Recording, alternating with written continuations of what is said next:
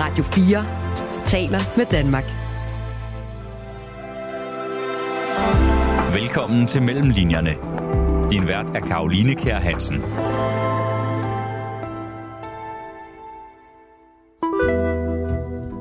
Det her det er et tilfælde, hvor vi i virkeligheden skal have flere mænd, der begynder at opføre sig som kvinder. Det er ikke kvinderne, der skal begynde at opføre sig som mænd. Når opvaskemaskinen skal tømmes på arbejdspladsen, en kollega har brug for hjælp, eller der skal tages referat til et møde, ja, så er det i langt de fleste tilfælde en kvinde, der løser opgaven. Og det er et problem, fordi det er opgaver, der ikke gavner kvinders karriere, mener Lise Vesterlund. Mange virksomhedsledere, når du taler med dem, så vil de sige, at alt arbejde er forfremmende. Alt arbejde er vigtigt. Øhm, og det er også rigtigt, at alt arbejde er vigtigt. Det er bare, at der er noget arbejde, der bliver anset som værende mere vigtigt. Lise Vesterlund er forfatter og en af de amerikanske forskere bag bogen Nej-klubben, der netop er udkommet på dansk. Det er en bog, der bygger på personlige erfaringer, men den bygger i høj grad også på forfatternes egen forskning gennem de seneste 13 år. Det har overrasket mig, hvor stort et problem det er, og hvor mange der er påvirket af det. Mit navn er Karoline Kjær Hansen. Velkommen til Mellemlinjerne.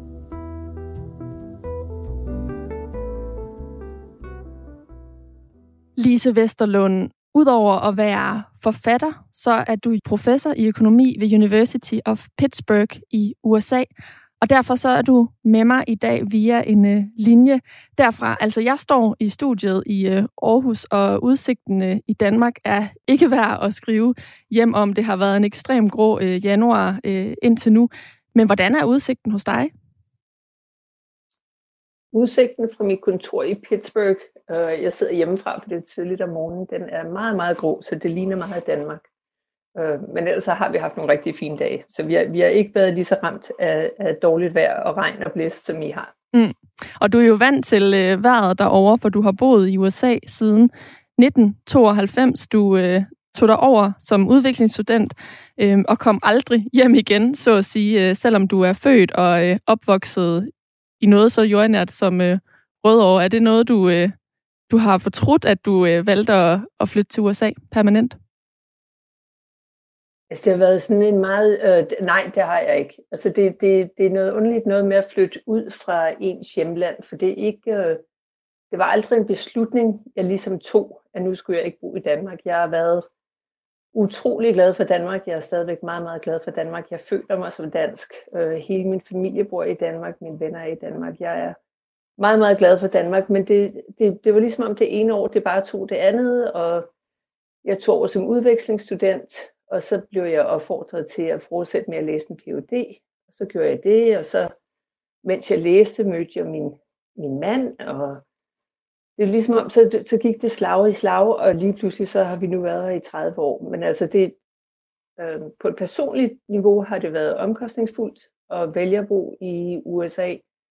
Øh, sådan rent forskningsmæssigt har det været øh, en, en stor gave at få lov til at arbejde sammen med alle de forskere, jeg har fået mulighed for at arbejde sammen med. Ja, det er også din forskning, som øh, vi skal tale om i dag. Du er en af forfatterne bag bogen Nej-klubben, som udkom sidste forår på engelsk, og i denne uge, den 16. januar, udkom på dansk. Undertitlen er Et opgør med kvinders karrierehemmende arbejde, og du har skrevet den sammen med nogle af de andre forskere for, øh, formoder jeg, som du nævner her, øh, som du ligesom har kunne samarbejde med igennem din øh, professionelle karriere, det er øh, tre andre kvinder, Linda Babcock, Brenda Pacet og Laurie Weingart. Og det er også kvinder, der har høje stillinger på amerikanske universiteter, ligesom øh, dig selv. Og de næste øh, knap 50 minutter, der skal vi tale om jeres arbejde med den her bog og hele processen med den. Da jeg gik i gang med at læse den her bog, der forventede jeg egentlig sådan en meget forskningstung og teoretisk bog, men efter endt læsning, så står jeg egentlig sådan lidt med følelsen af, at det er en slags guide til, hvordan man som øh, kvinde kan lære at blive mere bevidst om, hvornår man påtager sig nogle opgaver, der ikke er fremmende for ens karriere, og hvordan man kan stoppe med det. Man kunne også kalde det en drejebog, som er et ord, I selv bruger hen imod slutningen af øh, bogen. Vil du give mig ret i, at det er sådan en form for selvhjælps- eller guidebog? til dels. Altså, det, jeg, vil, jeg, jeg håber, at det mere er en selvhjælp til guide til øh, organisationerne. Øhm, altså det, det, som vi valgte at gøre, alt, alt det vi har i bogen, det er centreret omkring den forskning, som vi har lavet. Øh, og jeg har aldrig skrevet en bog før. Øh, jeg havde ingen intention om at skrive en bog. Årsagen til, at vi valgte at skrive den her bog, det var, at det vi fandt i vores forskning, virkede som om, at det var noget af det, der endelig kunne flytte på de her ubalancer, vi har på, på arbejdsmarkedet. Øh, og i og med, at vi valgte at skrive en bog, så kan man sige, at vi kan vælge at skrive en meget forskningstung bog, så er det måske de samme mennesker, der vil sidde og læse den, som de mennesker, der allerede har læst de forskningsresultater, som vi har publiceret i, i de ledende tidsskrifter inden for økonomi. Øhm, eller også så kunne vi vælge ligesom at tage den personlige historie med.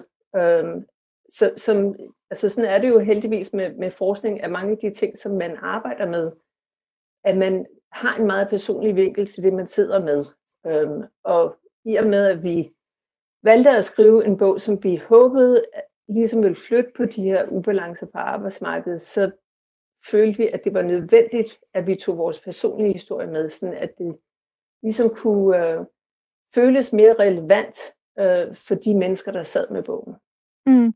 Ja, du siger det her med, at du nærmere håber, det er en drejebog til organisationer, og det er fordi helt fra begyndelsen, så slår I fast, at den her skævvridning, der er på arbejdsmarkedet, altså at mange kvinder påtager sig nogle opgaver, der ikke er direkte karrierefremmende, det er organisationernes problemer, det er ikke kvindens problem eller kvindernes problem. Hvorfor er det, at I anskuer problemet på den måde, altså som et organisatorisk problem?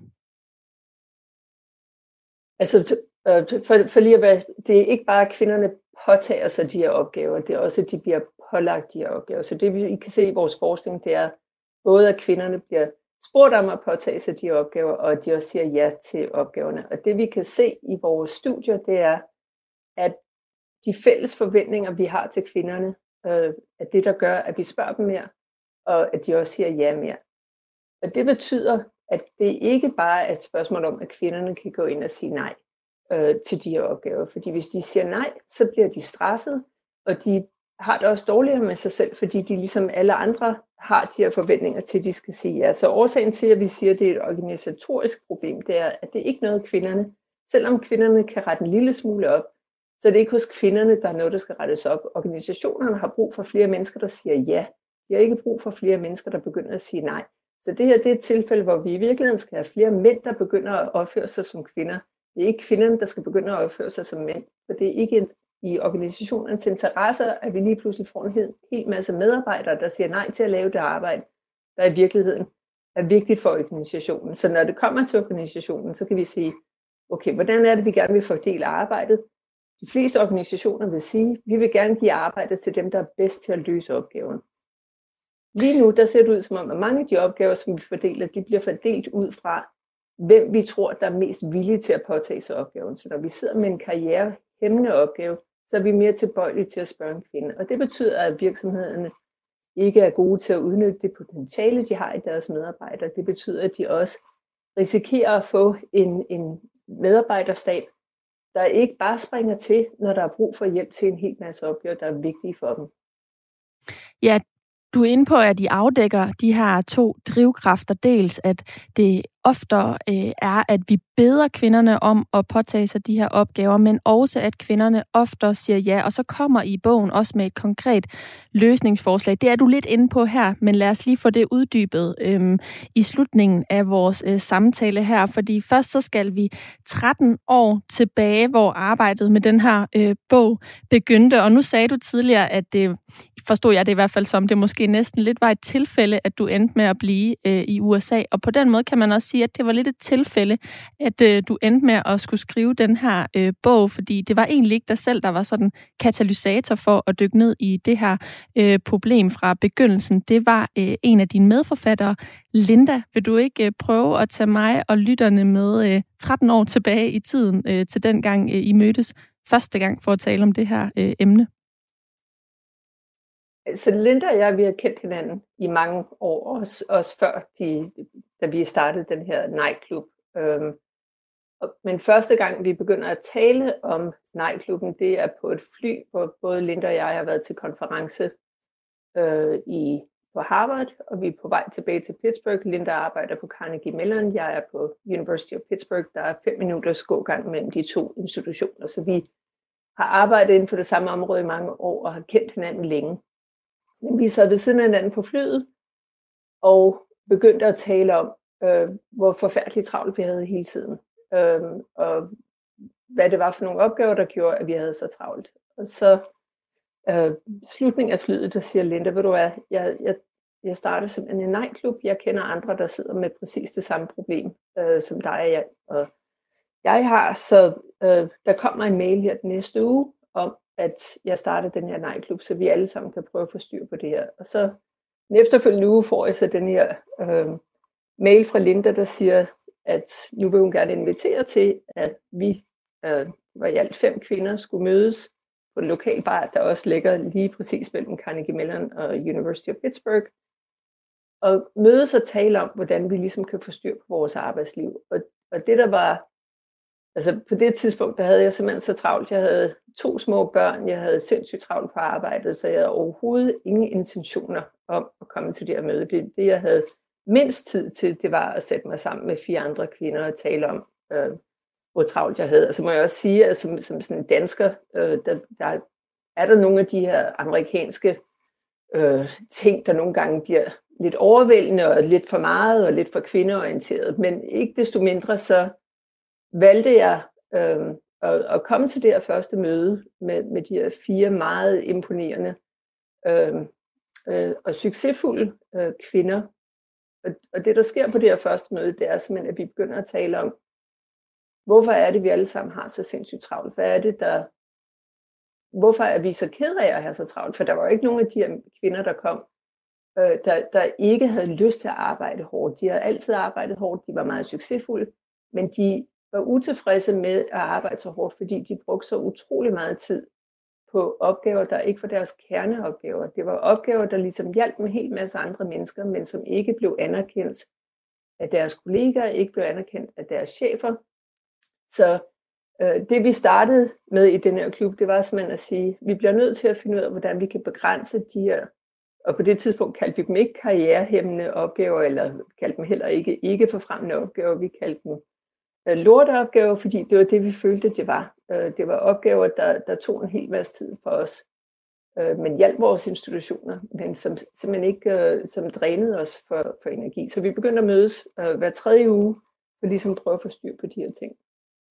Og øhm, hvad var det, der gjorde, at øh, du selv oplevede en tristesse over øh, den travlhed eller de her opgaver, som du, øh, du påtog dig? Altså, jeg tror, at det var en, en blanding mellem, at øh, jeg er utrolig glad for at undervise, og jeg er meget, meget, meget glad for at forske. Øh, og, og jeg følte ligesom, jeg var noget et sted hen i min karriere, hvor nu, nu burde jeg have tid til at lave mere forskning. Men jeg, hele min karriere blev jeg jo bare ved med at have mindre og mindre tid til min forskning. Så det var en frustration over, at jeg arbejdede alt for mange timer, og ligesom ikke havde tid til at lave det arbejde, der i virkeligheden var det, jeg var blevet ansat til at lave. Så det er ikke fordi, at man ikke skal lave nogle af de her karrierehæmmende opgaver. Alle skal lave karrierehæmmende opgaver. Hvis ikke du laver nogle af de her opgaver, så kan du aldrig blive forfremmet. Alle skal løse nogle af de opgaver. Jeg havde bare alt, alt for mange. Og jeg blev ved med at blive trukket i alle mulige retninger. Så det, der gjorde mig trist på det tidspunkt, det var, at når vi var afsted med, med ungerne eller sammen med venner og sådan nogle ting, at jeg hele tiden ligesom prøvede at stjæle tid til at få løst nogle opgaver, der ikke var de opgaver, der var centrale for mit job. Så det var det der med, at jeg både øh, var begrænset i den tid, som jeg kunne være sammen med min familie, men at det, der begrænsede den tid, det var arbejdet, som, var, som der skulle løses, og det skulle løses ordentligt, men det var ikke noget arbejde, som jeg bagefter vil få kredit for. Mm. Nej, det er noget, som er vigtigt for organisationen, men ikke for det enkelte øh, individ. Og det er så det, som I kalder IFO'er. Øh, det er en forkortelse, I laver, som altså står for ikke forfremmende opgaver. Øhm, inden vi går videre, øh, Lise Vesterlund, vil du så ikke lige komme med nogle konkrete eksempler på, hvad de opgaver øh, kunne være? Fordi øh, selv i begyndelsen, da jeg læste bogen her, der var jeg lidt usikker på det, men I har faktisk en hel liste over øh, eksempler på, øh, på den slags øh, opgaver, som gør det øh, ret konkret, og også fik mig til at tænke en del over, da jeg læste bogen. Hvad er det egentlig for nogle øh, opgaver af den slags, jeg selv påtager mig? Altså det, der hjælper, når vi taler om det her ikke forfremmende, de ikke forfremmende opgaver, det er ligesom at tænke på det som et, et mere kontinuert spektrum. Øh, så, så mange virksomhedsledere, når du taler med dem, så vil de sige, at alt arbejde er forfremmende. Alt arbejde er vigtigt. Øhm, og det er også rigtigt, at alt arbejde er vigtigt. Det er bare, at der er noget arbejde, der bliver anset som værende mere vigtigt. Så hvis du tænker på en, en virksomhed, øh, der gerne vil øh, skabe noget profit, der er en hel masse opgaver, der skal løses internt i virksomheden, der ikke direkte skaber profit. Og det vil ofte være den type opgaver, der er ikke forfremmende. Så hvis man ser på en virksomhed, så kan det være noget så simpelt som at hjælpe andre med deres arbejde. Det kan være at sidde i interne komitéer. Øh, det kan være at rekruttere medarbejdere og hjælpe dem med oplæring. Øh, det kan være vores vidunderlige kontorhusarbejde, som er arrangere julefester, eller rydde op i køkkenet, eller sørge for, at der er en gave til, til en af vores medarbejdere. Så det er en meget, meget bred, øh, bred type opgaver. Det kan også være sådan noget som at sidde med en klient, der kræver øh, rigtig mange timer og ikke øh, får en masse proveny ind til, til virksomheden. Så, så man skal ligesom tænke på det i, som en mere kontinuerligt spektrum. Vi kalder dem IFO'er, fordi det er lettere ligesom at sige, hvad, hvad er det her ikke forfremmende arbejde? Hvad er de karakteristika, der er? Men mange gange så hjælper det at, at, at ligesom stoppe op og sige, hvordan, hvordan rangerer det i forhold til det arbejde, som mine andre kollegaer sidder med. Så, så jeg er ligesom nået frem til, at der er, er tre ting, der kan hjælpe en med at se, at det her noget karriere, hæmmende arbejde, at det er en ikke forfremmende opgave, og de karakteristika, der er, det er, at arbejdet typisk vil være arbejde, der ikke bidrager til din organisations mission. Så netop som jeg sagde før, hvis du sidder i en virksomhed, der en privat virksomhed, så er det godt at, at lave et arbejde, der direkte bringer proveny ind til virksomheden. Øh, hvis du sidder som advokat, så er det at have øhm, en, en hel masse timer sammen med dine kunder, mens alt det interne arbejde ikke bliver anerkendt på samme måde. Så det første det er, at det skal være direkte forbundet med virksomhedens mål. Det andet er, at øh, arbejdet typisk vil være usynligt eller mindre synligt, så hvis du sidder og hjælper en kollega med at se et manuskript igennem, eller gennemgår noget sent før en præsentation, men at det ikke er dig, der giver præsentationen, så vil det ofte være en ikke forfremmende opgave. Og den sidste karakteristika er, at det ofte er arbejde, som mange andre kan lave. Så det er arbejde, som ikke bruger dine unikke evner eller din unikke øh, uddannelse. Så hvis det er arbejde, som rigtig mange kan løse, så vil det sjældent være noget, som du får særlig anerkendelse for. For hvis ikke du løste det, så vil der være en anden, der kunne løse det. Så de her tre karakteristika med, at det ikke direkte bidrager til organisationens mission, at det er usynligt, og det ikke bruger dine unikke evner, at de karakteristika, der ligesom kan hjælpe os til at finde ud af, at det arbejde, jeg sidder med, er det forfremmende, eller er det ikke forfremmende. Ja, der er også et eksempel i bogen med en bartender, som er rigtig dygtig og ofte indkasserer mange øh, drikkepenge. Og hun bliver så bedt om at øh, oplære en ny, der bliver øh, ansat, men øh, fordi hun øh, bliver pålagt den opgave, eller i hvert fald bliver spurgt, om hun vil påtage sig den opgave, og siger ja, så betyder det, at hun kan ikke selv være lige så meget på gulvet, altså være ude og øh, betjene øh, kunder, og derfor så øh, indkasserer hun ikke lige så meget i kasseapparatet, og heller ikke lige så mange øh, drikkepenge, og det er i virkeligheden det, som hendes præstation bliver målt efter. Så det her arbejde med at oplære en øh, kollega, en ny kollega, det bliver ikke øh, indkasseret, øh, det bliver ikke ligesom talt øh, eller anerkendt på samme måde, som hvis man rent faktisk har en almindelig arbejdsdag og får penge i, i kassen, som er det, der i sidste ende bliver øh, øh, anerkendt. Du lytter til Mellemlinjerne på Radio 4.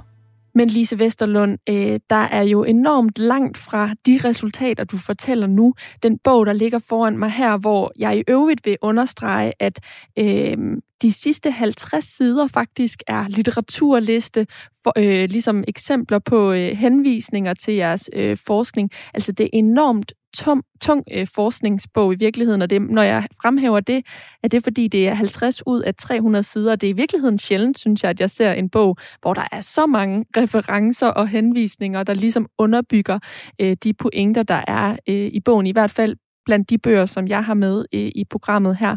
Så der er jo langt fra det, vi står med nu, til de øh, 13 år tilbage i tiden, du nævnte før, hvor I mødtes rundt om bordet på barn og talte om, hvordan I øh, du og dine øh, fire kollegaer, som det begyndte med nu, det så øh, øh, fire I er i øh, alt, øh, hvordan I var ked af, at I havde så travlt og endte med at få de her øh, opgaver.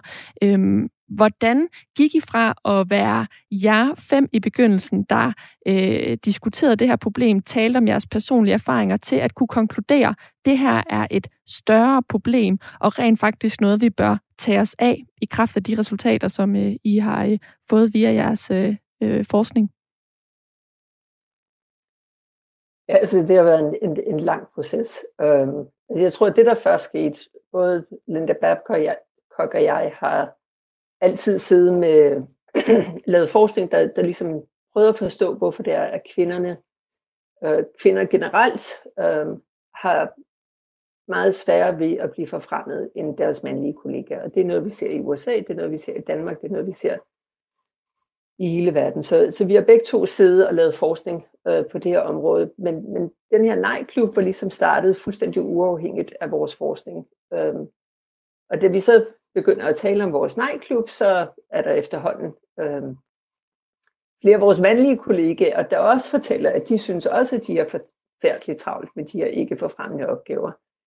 Øh, og, og flere af dem spørger, om de må få lov til at være med i vores nejklub, og det er så en af de få ting, som vi formår meget hurtigt at sige nej. Det er fordi, vi, vi øh, foretrækker, at det kun var kvinder i vores klub. Men det gjorde ligesom, at vi, vi begyndte at, at, spørge os selv, at det her er et problem, som alle har. Altså, det er meget, meget sjældent, at jeg møder nogen, der ikke siger, at de er forfærdeligt travlt. Alle har travlt hele tiden.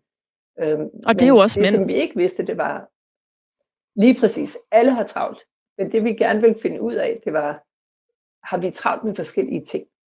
Øh, er der forskel på, om det at, sidder vi alle sammen med for mange ikke forfremmende opgaver, eller er der en kønsforskel i, hvem der sidder med de opgaver? Så det var ligesom det, der, der, der startede øh, hele vores forskningsforløb, fordi vi ikke vidste, om, om der var forskelle øh, mellem mænd og kvinder.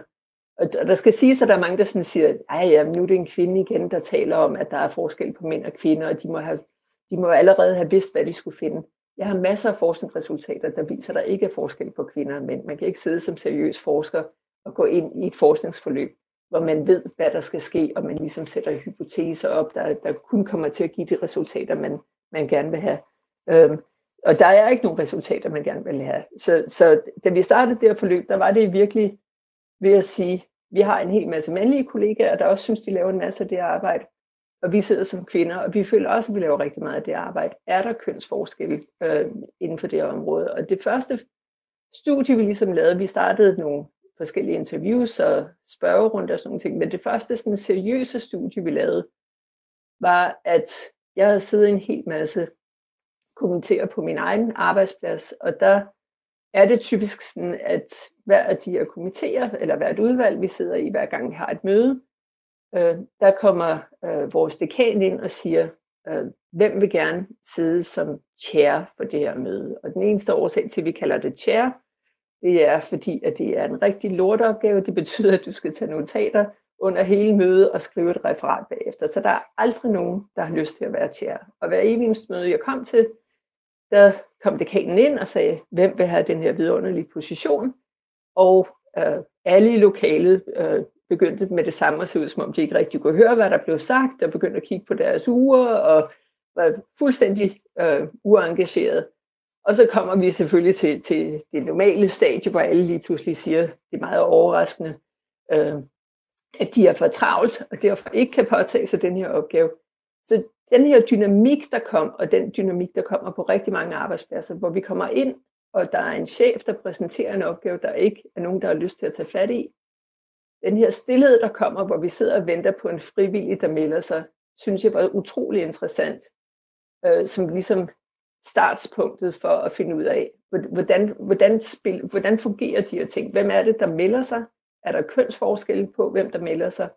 Og hvorfor, hvorfor, hvorfor er der måske kønsforskelle? Er der nogle forskellige karakteristika ved de her mænd og kvinder, der gør, at, at de melder sig, øh, potentielt melder sig på forskellige vis? Så jeg tænkte lidt over, hvordan man kunne, kunne sætte sådan et eksperiment op, og, og tænkte over, hvad, hvad incitamenterne skulle være, øh, og fandt til sidst ud af, at, at hvis vi kunne lave et eksperiment, hvor vi havde en hel masse små grupper, der blev sat sammen, hvor de hver evig eneste øh, i sådan flere omgange blev bedt om at påtage sig en opgave, som der ikke var nogen af dem, der havde lyst til at påtage sig, men alle vidste, at der skulle være en, der påtog sig.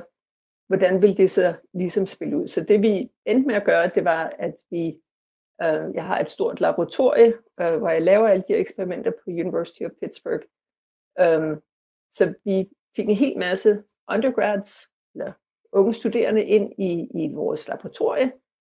Og så satte vi dem i grupper af tre, um, hvor de ikke vidste, hvem det var, at de var sat sammen med. De sidder og de interagerer kun over computeren. Og så sagde vi, um, I har to minutter til at finde uh, en, der en frivillig i jeres gruppe. Hvis ikke I finder en frivillig inden for de to minutter, så får I alle sammen 1 dollar. Men hvis en af jer melder som frivillig, så får den person 1 dollar og 25. Og de to andre i jeres gruppe vil få 2 dollars. Så hvis der er en, der melder sig som frivillig, så får den, der er frivillig, 1 dollar 25, og de to andre får 2 dollars. Men hvis ikke I får en frivillig, så får I alle sammen 1 dollar. Så alle kan se, at alle ville være meget bedre. Det ville være meget bedre for alle, hvis der var en, der meldte sig som frivillig. Men samtidig så ville de alle sammen helst have, at det var en anden, der meldte sig som frivillig. Og det, der skete i det her første studie, det var, at øhm, selvom de ikke ved, hvem de er sat sammen med, de, er, de sidder i 10 forskellige grupper, det var, at kvinderne systematisk meldte sig som frivillige oftere end deres øh, mandlige medstuderende. Så kvinderne meldte sig 48 procent oftere som frivillige end de mandlige studerende. Og det vi oprindeligt havde troet, øh, og det skal også siges, at det jeg er meget bekymret for, når jeg laver de her studier, det er, at de kan repliceres.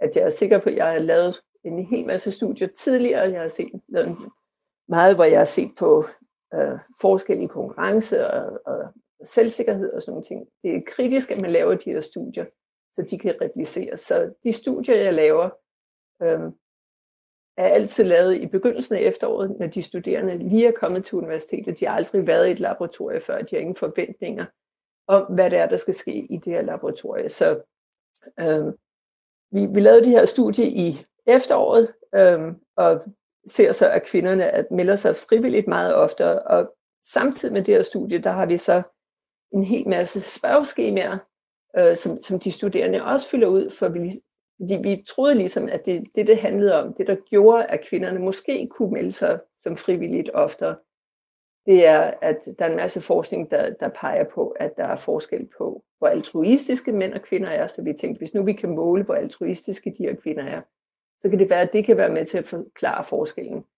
Øh, der er også anden forskning, der peger på, at kvinder måske er lidt mere risikoaverse end, end mænd, så der tænkte vi, at hvis vi kunne måle deres risikoaversion, så kunne, vi også, så kunne det være med til at forklare forskellen. Så vi havde en hel masse øhm, spørgsmål, som vi også satte sammen med det her eksperiment. Og det vi kunne se, da vi fik resultaterne, det var, at øhm, selvom der var kønsforskelle i altruisme og risikoaversion og, og flere andre faktorer, så var der ingen af de faktorer, der var med til at forklare, hvorfor kvinderne meldte sig frivilligt øh, oftere. Så så sad vi ligesom, okay, vi har de her resultater, vi kan se, at kvinderne melder sig mere, men vi aner ikke, hvorfor de melder sig mere. Hvordan undersøgte de så det? Hvorfor de og, melder sig oftere?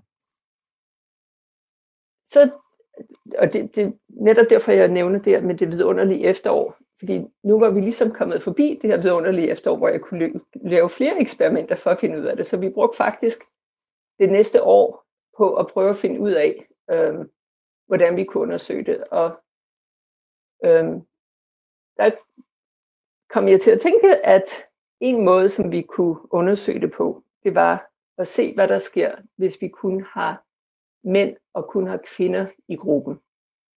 Så øhm, og årsagen til, at det kunne være interessant, det er, at hvis det ligesom var de her karakteristika hos kvinderne, der gjorde, at de meldte sig frivilligt oftere. Hvis nu vi siger, at alle kvinder er mere altruistiske end, end mænd, eller ikke alle kvinder, men hvis, men hvis fordelingen af, af kvinder, ligesom hvis, hvis deres altruismepræferencer øh, er øh, altså mere ekstreme end mænd, så, skulle det, så skal det være tilfældet, at hvis vi har en gruppe af kun kvinder, øh, så, så skal grupper af kun kvinder finde en frivillig oftere end grupper af kun mænd.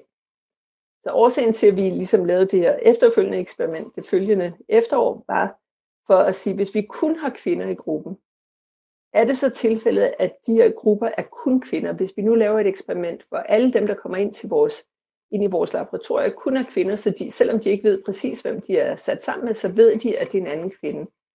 Hvis kvinderne så har nogle andre præferencer end mændene, øh, så skal det være sådan, eller i hvert fald hvis de har præferencer, der gør, at de melder sig som frivillige, så skal det være sådan, at grupperne med kun kvinder, vores studie med kun kvinder, der skal vi finde en frivillig oftere, end vi finder det, hvis vi kun har mænd i gruppen.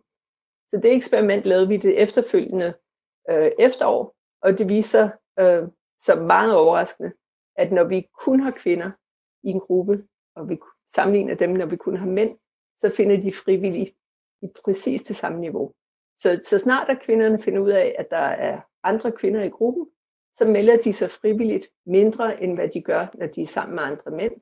Og når mændene øh, finder ud af, at der ikke er andre kvinder i gruppen, så kan de lige pludselig godt finde ud af at melde sig som frivillige. Så øh, det, der var meget interessant det efterfølgende efterår, det var lige pludselig, at vi har de her resultater, hvor kvinderne og mændene melder sig frivilligt på præcis samme niveau, som, som de har gjort tidligere.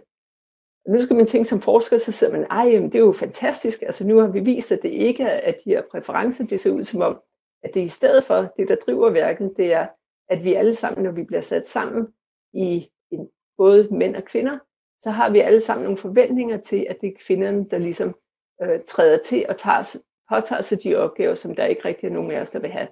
Så det var super spændende at få det her resultat. Men samtidig så skal man også ligesom sige, okay, det her det er det andet semester, øh, det det andet år. Det kan være, at alle de her unge studerende har ændret sig fuldstændig. Og så siger det sig selv, og så bliver man også nødt til at gå tilbage og så gentage det studie, vi har lavet året før, for at være sikker på, at, at, at vi er sikre på, at det er, fordi vi kun har mænd og kvinder, eller er det, fordi vi lige pludselig er kommet ind et nyt år? Så gentog vi det samme eksperiment, som vi har lavet året før, og fik præcis de samme forskelle. Så det år, der kan vi lige pludselig se, at vent, det, det ser ud som om, at det er forventningen til kvinderne, øh, og ikke, at de måske har andre karakteristika, der driver det her værk. Og så det efterfølgende år, for ligesom at sige, altså det, det, det er mange, det tager lang tid at lave de her studier. Ja, det er mange etapper, I har haft.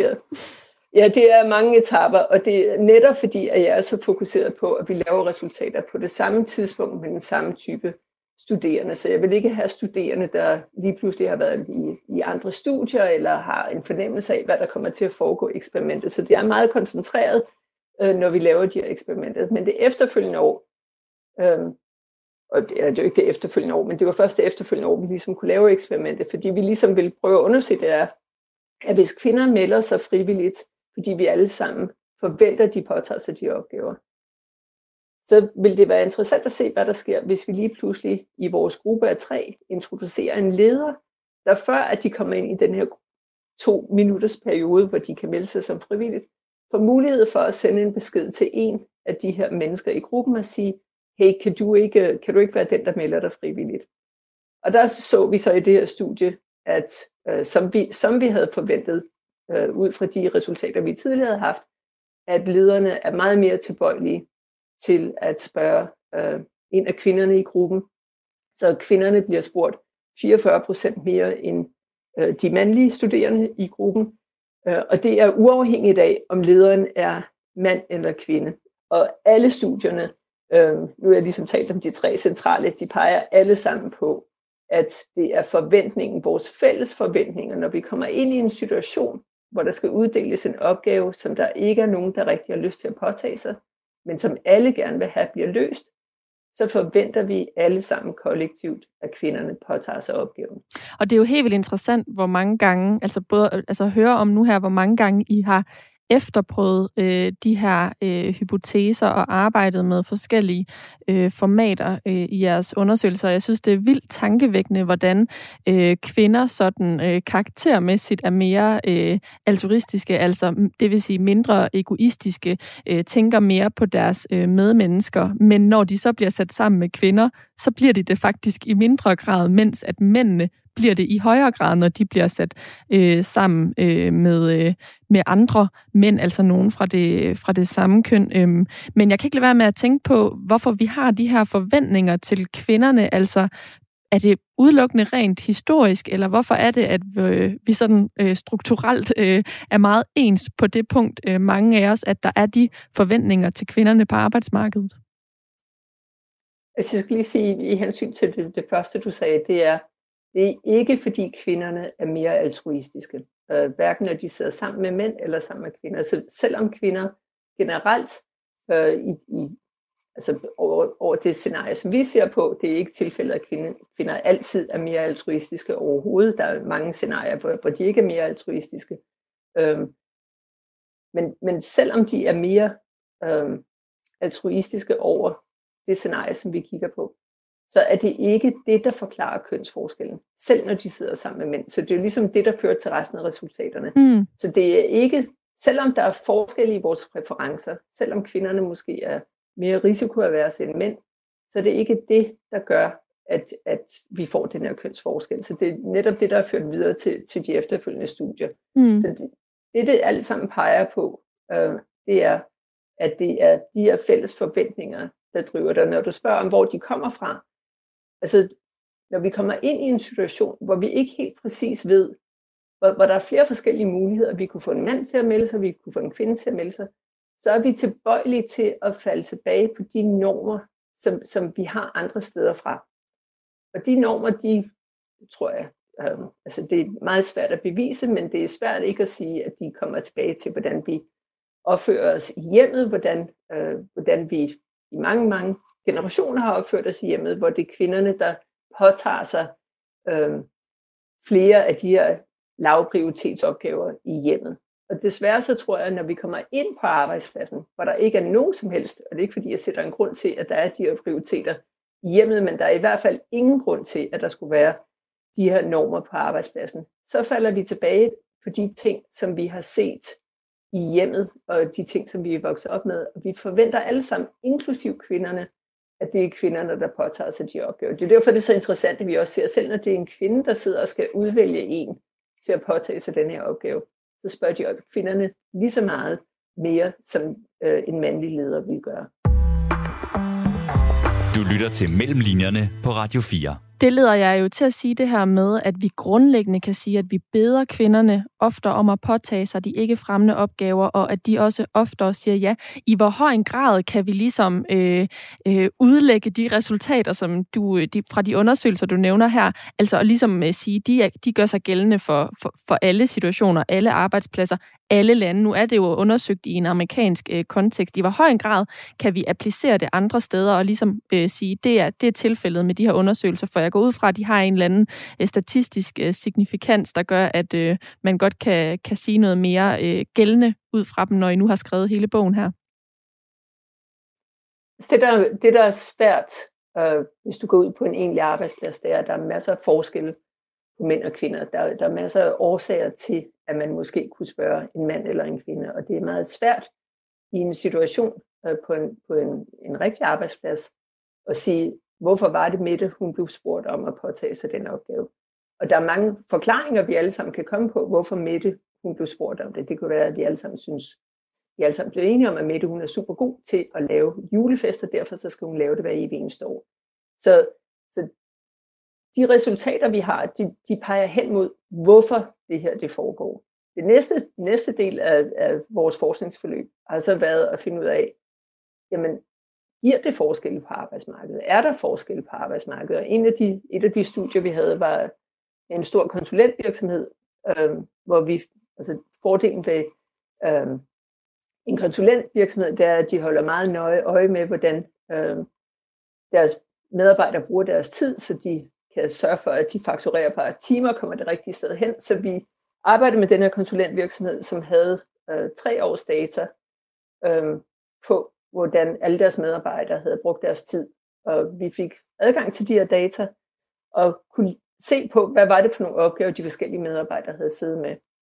Og så gik vi til ledelsen og sagde, kan vi ikke prøve at tale om de opgaver? Hvad er det for nogle opgaver, som I synes er forfremmende? Og hvad er det for nogle opgaver, som I mener er mindre forfremmende eller ikke forfremmende? Så de gav os de her kategorier, som vi så kunne bruge til at gå tilbage til vores data og sige, okay, hvordan, hvordan er fordelingen af ikke forfremmende og forfremmende arbejde på den her virksomhed? Og der kunne vi se, at kvinderne øh, i den her virksomhed brugte 200 timer mere om året end deres mandlige kollegaer på ikke forfremmende opgaver. Det vil sige, at de brugte over en måned per år på arbejde, der ikke var anerkendt eller anset, eller anset på deres arbejdsplads. Det var både, når vi så på sådan nogle øh, mid-career kvinder, eller på kvinder, der allerede øh, var blevet partner i, i virksomheden. Så øh, det næste stadie, ligesom, selvom det er meget, meget vanskeligt at finde ud af øh, helt præcist, fordi der er masser af resultater, der viser, at kvinder bliver spurgt mere, men det er meget svært på en virksomhed. Øh, men det er svært at finde ud af, hvorfor de bliver spurgt mere. Det der er fordelen med vores eksperiment, eksperimentelle studie, det er, at det henviser til, at de her forventninger spiller en stor rolle. Det er svært at vise det på en rigtig arbejdsplads. Vores efterfølgende studier har så vist, at øhm, de her forskelle er meget store. I den her konsulentvirksomhed var den meget stor, og vi har så set på en hel masse, øhm, en masse andre studier, der er set på alle mulige forskellige øhm, typer af virksomheder, lige fra advokater til øhm, ingeniører til øh, folk, der sidder i supermarkedet, folk, der står og laver security i lufthavnen. Øhm, over ja, akademikere er det et kæmpe problem, at kvinder øh, generelt bliver pålagt flere af de her ikke forfremmende opgaver. Så jeg, jeg tror, at de to primære forskningsresultater, som vi har, det er, at forventningerne spiller en rigtig stor rolle, og at det her det er et rigtig stort problem. Og det er et problem, der viser sig i alle virksomheder, der er blevet undersøgt. Mm. Og ja, de her tal, du nævner, det er umuligt ikke at gøre, gøre indtryk, øh, er jeg ret sikker på, blandt alle. Øh, I hvert fald hos mig og, og blandt mine, mine lyttere. Hvad, Lise Vesterlund, hvilke resultater blev du selv mest overrasket over? Altså, hvad overraskede dig mest i hele den her proces og gennem alle de øh, eksperimenter og undersøgelser, som øh, I var igennem? Jamen, der er begge, der er begge resultater overrasket mig meget. Jeg var ikke... Øh, da vi først da, da jeg først foreslår, at vi skal lave det her studie i vores laboratorie, der siger mine øh, veninder i vores No Club på det tidspunkt, havde ikke skrevet nogen bog, og vi havde ingen intention om at skrive en bog. Vi ville bare gerne prøve at se, hvad der skete. De, de var sikre på, at der ikke ville være nogen kønsforskel. De, de syntes, at det var for simpelt, at, der, at det slet ikke fangede øh, dynamikken øh, ordentligt, at der skulle være mere kontekst til det. Øh, men som økonom, der er jeg altid lavet ting, der er meget, meget neutrale, så at, at tingene ligesom ikke kan blive farvet af, hvad ord eller ting, man, man bruger. Så jeg var overrasket over at se så stor en kønsforskel i det første studie, fordi der ikke var nogen, der troede, at vi ville se en kønsforskel, og jeg var rigtig overrasket. Øh, det er også derfor, det har taget så lang tid. Jeg var meget overrasket over, at det ikke var de individuelle præferencer, der ligesom øh, forårsaget den her forskel. Så øh, det, at forventningerne spiller så stor en rolle, øh, var, var meget overraskende for mig. Altså, så er det også bekymret mig meget, og også overrasket mig meget på, hvor lidt vi taler om, at der er nogle opgaver, der er mere forfremmende end andre. Og det betyder, at mange af de unge kvinder, jeg har siddet og talt med, at de ikke har, de ikke, det er ligesom om, at vi, vi, vi er blevet rigtig gode til at snyde dem til at påtage sig de opgaver, som vi ikke regner for noget. Så, så hvis, du, hvis du får en opgave, hvor du får at vide, uha, det her det er rigtigt, du er så god til at påtage sig den, den her opgave, du er super god i det her område, du, det er kun dig, der kan løse det her, så tror jeg, at det kan være meget sundt, hvis man som kvinde eller som mand ligesom stopper lidt og siger, hvorfor kommer det med alle de her komplimenter? Altså, hvor, hvorfor bliver denne her opgave pakket så fint ind? Hvad er det, der ligger indeni? Øhm, og Altså, så, så det har overrasket mig, hvor stort et problem det er, og hvor mange der er påvirket af det. Mm, mm. Og det, som I så slår fast i, i, i slutningen af bogen, det er jo et, et konkret øh, løsningsforslag, at øh, virksomheder de er nødt til at kortlægge de her IFO'er, altså ikke fremmende opgaver, og mere sådan tilfældigt tildele dem til forskellige medarbejdere, så de bliver fordelt ud over hele medarbejderstaben. Øh, øhm, dels så er jeg meget nysgerrig på at høre, hvornår du tror, at det rent faktisk øh, kommer til at ske, Vise Lise Vesterlund. Men allerførst så er jeg også nødt til at spørge, hvorfor er det ikke bare kvindernes eget ansvar at sige nej? Altså det kunne jeg også være tilbøjelig til at tænke, at som kvinder, så må vi stå sammen, vi må sige nej, og hvis nu, at ledelsen får et nej, så er de nødt til at tildele dem til eksempelvis øh, en mand. Men det er mit klare indtryk, at det ikke er sådan, du anskuer det. Hvorfor? Så fordi vi har, øh, netop fordi vi har andre forventninger til kvinder, øh, end vi har til mænd, så reagerer vi øh, meget anderledes øh, over for en kvinde, der siger nej, end vi gør over for en mand, der siger nej. Så der er et, øh, et vidunderligt studie af Heilman og Chan, øh, der kigger på, hvordan vi opfatter en mand og en kvinde, der siger ja eller nej til en opgave. Og en kvinde, der siger ja til en opgave, bliver opfattet, og når, vi taler, når jeg taler om opfattet, så er det, at de spørger de her medarbejdere, jamen, at du, vil du være interesseret i at ansætte den her kvinde? Kunne du tænke dig at arbejde sammen med hende? Og så Øhm, og, og der kan de vise, at kvinder, der siger ja til at hjælpe med at løse en opgave, øh, bliver anset som værende lige med en kvinde, der aldrig er blevet spurgt. Så det fortæller lidt om, at en kvinde, der bliver spurgt og siger ja, at hun lever bare op til forventningerne. Der er ikke noget, der er ikke, hun får ikke noget plus i kalenderen for ligesom at sige, okay, du, du gjorde det super godt. Hvis du siger ja til en opgave som kvinde, i deres studie, så viser de, at det bliver anset som værende lige med en kvinde, der aldrig er blevet spurgt. Og en kvinde, der siger nej, bliver selvfølgelig anset negativt. Folk er mindre villige til at arbejde sammen med hende, mindre interesseret i at ansætte hende. Hvis man laver det samme studie for en mand, så kan de se, at en mand, der siger nej til en opgave, bliver anset som værende lige med en mand, der aldrig er blevet spurgt. Så forventningen til en mand, det er ikke, at forventningen naturligvis er, at han skal sige nej, men hvis han siger nej, så har det ingen konsekvenser. Mens en mand, der siger ja, bliver anset positivt. Så årsagen til, at kvinderne ikke bare kan gå ud og sige nej, det er, at det kan få meget negative konsekvenser for deres karriere. Og vi ved alle sammen, når du kommer ud på en arbejdsplads, så handler det om at hjælpe til. Det handler om at påtage dig de opgaver, som du bliver givet. Og hvis kvinderne sådan systematisk bliver givet, ud, hvis ikke vi har en ledelse, der er opmærksom på, vent lige, er det de karrierehæmmende opgaver, jeg giver til, til kvinderne, eller er det de karrierefremmende? Og Derfor er det ikke op til kvinderne bare at sige nej. For hvis de kommer ud og begynder at sige nej til de her opgaver, så kan det meget vel være, at de vil være tilbøjelige til at sige nej oftere, fordi at de får dårligere opgaver end dem, der bliver givet til deres mandlige kollegaer. Men hvis ikke vi har øje for, at der er forskel i, hvordan vi fordeler det her arbejde, så kan kvinderne hurtigt blive set som værende dårlige kollegaer. Så det er ikke op til kvinderne at sige nej. De kan ikke sige nej. De har helt andre forventninger. Øh, der er andre forventninger, der bliver sat til dem, end der bliver øh, til deres mandlige kollegaer. Tværtimod så er det op til virksomheden at finde ud af, hvad er de opgaver, som der ikke rigtig er nogen, der har lyst til at lave, men som skal laves, som er ikke forfremmende opgaver. Hvordan karakteriserer vi dem? Hvordan holder vi øje med dem? Hvordan sørger vi for, at vi fordeler dem mere ligeligt? Og det kan man gøre på flere forskellige måder. For eksempel, så er det jo fjollet, at vi går ind og beder om en frivillig, hvis vi ved, at der ikke er nogen, der har lyst til at påtage sig opgaven. I stedet for at bede om en frivillig, så gå ind og træk lod om, hvem der, der skal påtage sig opgaven. Hvis det er en opgave, der, der kommer gentagende gange, så, så lad den gå på tur. Øh, og selvom man ofte tænker på, hvordan laver vi om på de organisationer. Min egen organisation, University of Pittsburgh, har holdt op med at bede om frivillige til at påtage sig de opgaver. Hvis du beder om en frivillig, så er det typisk, fordi du vil være tilfreds med hvem som helst i din gruppe, øh, som, som en af dem, der melder sig. Hvis du er tilfreds med, at alle eventuelt kunne melde sig, så kan du lige så godt putte alle navnene ned i en hat og trække lod om, hvem det er, der skal, skal påtage sig opgaven.